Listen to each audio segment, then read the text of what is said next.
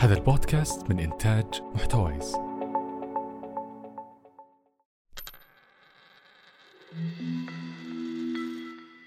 أهلا أنا حسين علي وهذا بودكاست قرش. البودكاست اللي نستعرض فيه الهفوات وأحيانا البقعات ونفسرها بعين اقتصادية لأن الاقتصاد مش مجرد ريالات نوفرها بجيوبنا. يا أيها الرجل المحول رحله. هلا نزلت بآل عبد مناف الآخذون العهد من آفاقهم والراحلون برحلة الإيلاف. هذه الأبيات قالها مطرود بن كعب الخزاعي يتكلم فيها عن أبرز حلف عربي قبل الإسلام واللي يسمونه الإيلاف. هذا الحلف مذكور في القرآن في سورة قريش وما ذكر في القرآن بهالصورة الإيجابية إلا لأنه شيء كبير ومهم جدا وخصوصا أنه عمل نقلة تاريخية كبيرة للعرب. وحتى نفهم سبب تشكل هذا الإيلاف خلونا نرجع شوية لتاريخ شبه الجزيرة العربية قبل الإسلام ونشوف كيف كان وضعها. شبه الجزيرة العربية قبل الإسلام كان ينقسم لثلاثة أقسام. كان عندنا مملكة حمير اليمنية في الجنوب واللي كانت في شد وجذب مع مملكة الحبشة وحروب وصراعات لين قدروا أهل الحبشة بعدين يسيطرون عليها ويهجدونها. وعندنا بعدها في الشمال مملكتين واحدة في العراق وتابعة للفرس واسمها الحيرة والثانية تتبع الغساسنة في الشام واللي تصير تبع بيزنطة الروم. وما بين الشمال والجنوب يكون موقع القبائل العربية مثل قبيلة قريش في مكة المكرمة أو قبيلتي الأوس والخزرج في المدينة المنورة وغيرهم وغيرهم من القبائل العربية في وسط شبه الجزيرة العربية. طبعا في قسم رابع ما تكلمنا عنه. القسم الرابع هم القبائل اللي كانوا مشتركين في 5G من زين. هذول كانوا غير. وكتب التاريخ ما كتبت عنهم لأنهم أسرع من أن أحد يشوفهم. الجيل الخامس 5G من زين يوفر أحدث معايير الاتصال على الأجهزة الذكية. إنترنت 5G من زين يساوي أفلام بجودة عالية بدون تقطيع يساوي لاق أصغر من النملة يساوي حصص أونلاين بدون أستاذ تسمعني أنا أسمعك. اشترك في 5G من زين وادعم بودكاست قرش. رابط الحصول على الخدمة في وصف الحلقة. زين الحين نرجع نصلح نقول إيوه قلنا ثلاث قبائل. المشكلة يا طويل العمر كانت إن كل ما يصير خلاف بين ممالك الشمال أو تصير حرب في الجنوب القبائل العربية اللي في النص يأكلون تبن تنقطع عنهم الموارد ويعيشون في حالة من الجوع والفقر إلين وصل إلى إنهم قاموا يعتدون على بعض من خلال قطع الطرق على المسافرين وسرقتهم الاعتداء عليهم. الفرصة الوحيدة اللي ممكن يستقرون فيها كانت هي الأشهر الحرم. لأن العرب سابقا كانوا ما يتحاربون في الأشهر الحرم. كان الوضع سيء لدرجة أن انتشر بينهم عادة اسمها الاعتفار.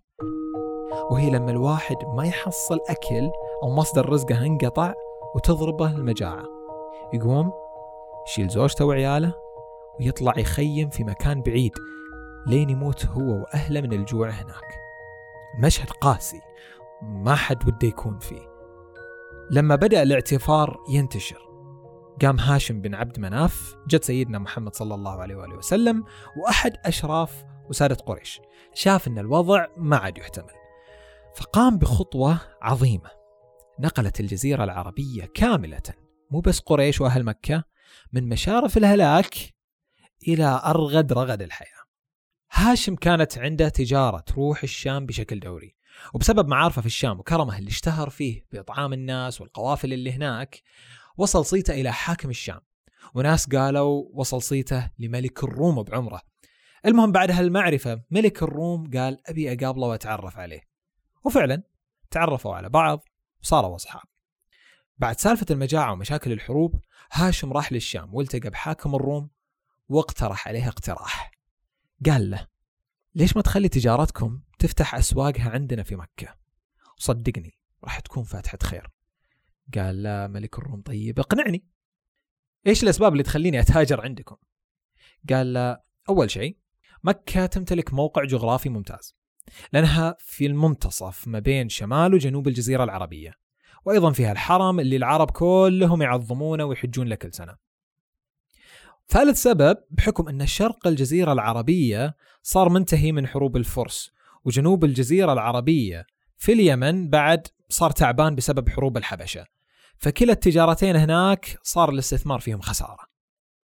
لذلك ما بقى لكم يا الروم إلا مكة اللي تلتقي فيها القبائل والموقع ممتاز بالإضافة إلى ميزة وجود الحرم والكعبة. فقال ملك الروم بعد ما سمع هالكلام فكرة ممتازة وأنا وافق لكن إيش تبون بالمقابل؟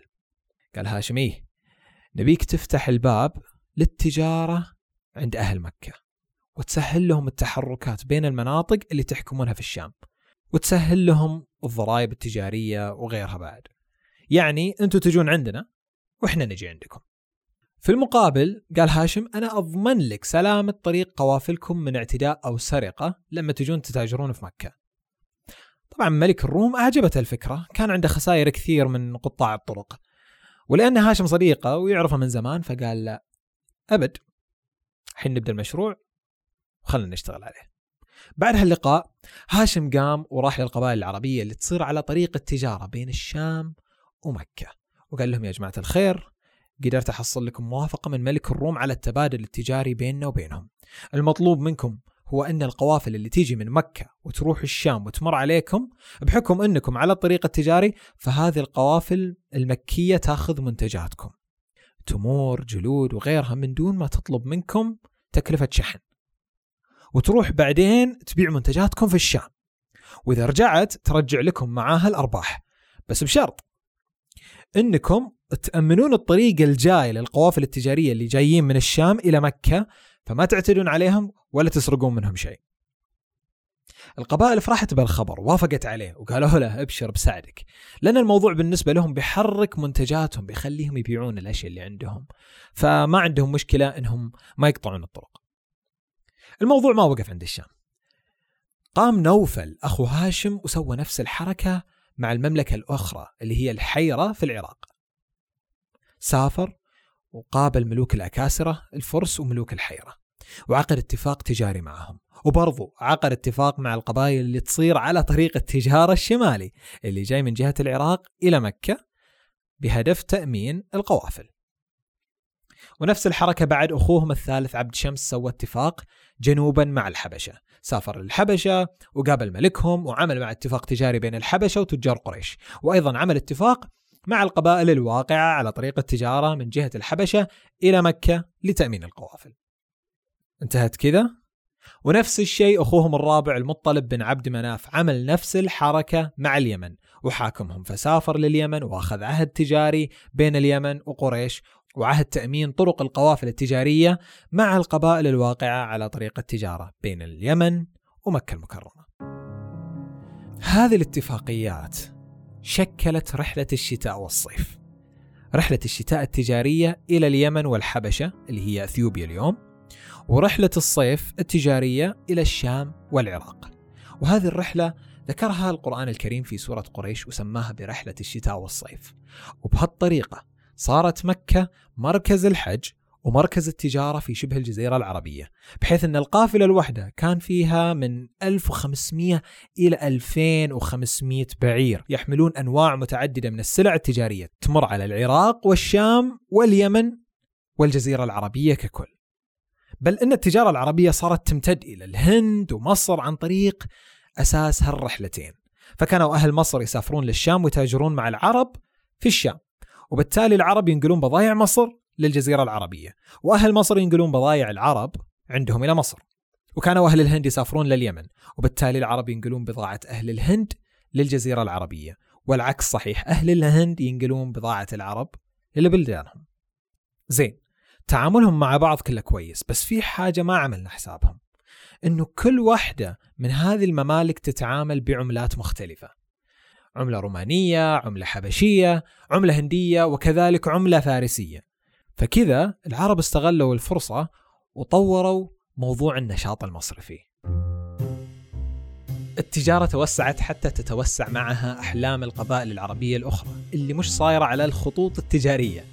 فلما شافوا أن حتى المدن الساحلية مثل ينبع صارت تنتعش تجاريا بسبب حركة الموانئ وأن الأسر الصغيرة في القبائل الثانية غير الثرية صارت تجني الأموال الكثيرة من خلال مشاركتها في التجارة. قالوا طيب ليش ما إحنا نحاول نشارك في الموضوع؟ ممكن نحصل فيه شيء. فقامت القبائل العربية اللي مو على طريق التجارة وقالت يا جماعة الخير لعبونا معكم ولا بنخرب؟ أبى ألعب معكم. أطلع برا. هيا. أوريكم. أمزح قالوا دخلونا معكم في التجارة. طيب كيف تبون تدخلون؟ قالوا نفتح لكم فروع عندنا ونعمل خط تجاري داخلي. يعني الرحلة تجي من الشام لمكة وبعدين مثلا تقدر تمر على مناطق حول مكة. قالوا والله فكرة مشينه وكذا انفتح أسواق تجارية جديدة في أرجاء الجزيرة العربية وانتعشت قبائل جديدة ماديا. طيب في قبائل ما عندها منتجات وقالت نبي ندخل ولعبونا معكم بعد. شنو الحل هنا؟ إن خليناهم وما لعبناهم بيخربون. قالت قريش ولا يهمكم نعمل معكم اتفاق إن أي قافلة جاية من برا الجزيرة العربية ومش من ضمن خط التجارة المتفق عليه فهذه القبيلة تدفع لكم ضريبة حماية وتقومون أنتم تحمونها لين توصل مكة. قالت القبائل قريش خوش فكرة والله إحنا معكم. وكذا القبائل حست بأهمية هذه التجارة وتعزز موقفها اجتماعيا واقتصاديا بين القبائل الأخرى. وكذا تولدت لنا تحالفات أخرى مع قبائل عربية غير واقعة على الطريق التجاري بين الشام واليمن.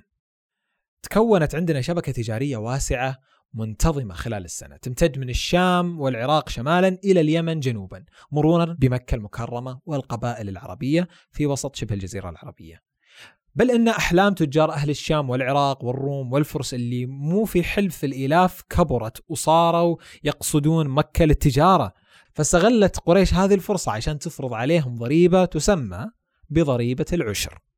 بحكم أنهم يجون للتجارة وهم خارج اتفاقيات الإلاف فصاروا ذول التجار يدفعون العشر قبل دخولهم مكة المكرمة وكذا يكون هذا الاتفاق أنهى حالة فوضوية من الجوع والفقر والاقتتال بين القبائل العربية وقدر يأمن مصدر عيش ورزق منتظم لأهل مكة بشكل خاص والقبائل العربية الأخرى بشكل عام. بل قفز بقبائل مكة وخصوصا قريش إلى أن يصبحوا من طبقة ثرية بل من طبقة أثرياء العرب. وأيضا قدر هالاتفاق يأمن سير القوافل التجارية في المنطقة بحيث أنه ما يهددهم خطر السرقة أو الاعتداءات أو حتى قطاع الطرق. كما أنه ربط الشرق بالغرب من خلال الوساطة التجارية العربية فصارت قريش خصوصا والعرب عموما يعملون عمل الوساطة بنقل منتجات العراق والشام إلى الحبشة واليمن ومن ثم تنتقل بعدها للهند. وأيضا نقل منتوجات الحبشة واليمن إلى الشام والعراق شمالا ومن هناك تنتقل بعضها إلى الصين شرقا وإلى مصر غربا. كذا حصلت قريش على موقع مهم بين القبائل العرب وحكام الممالك المجاورة لهم بحكم أنها هي اللي عملت على نشأة هذا الإلاف اللي أعطى بقية القبائل مركزية مهمة في المنطقة. طبعا رحلة الشتاء والصيف مو بس قصة تاريخية نسردها ونمشي عنها. التحالفات بين الدول قائم حتى هذا اليوم. فمش كل الدول تمتلك قوة اقتصادية كبيرة ولا كل دولة تمتلك قوة عسكرية. لذلك تلجأ الدول إلى التحالف مع دول أخرى حتى كل دولة تعزز اقتصاد الدولة الثانية أو تقوي من وجودها العسكري أو أحيانا يكون من خلال عملية تبادل منافع. التحالفات هي أشبه بعملية البيع والشراء لكن على شكل أكبر. فتجي دولة ألف وتقول للدولة باء راح أشيل عنك ضرائب الجمارك لنقل البضائع لكن في المقابل نبي دعم عسكري لمدة عشر سنين. والموضوع أحيانا يمتد من التحالفات الدولية إلى أن يصل للثقافة والتكوين الاجتماعي. فنشوف دول تتحالف فيما بينها لوجود مشتركات ثقافية واجتماعية ولغوية. والسبب إنهم يبون يقوون هاللغة المشتركة فيما بينهم أو هالثقافة من خلال تعاونهم. ومن أبرز التحالفات التجارية بين الدول هو الاتحاد الأوروبي.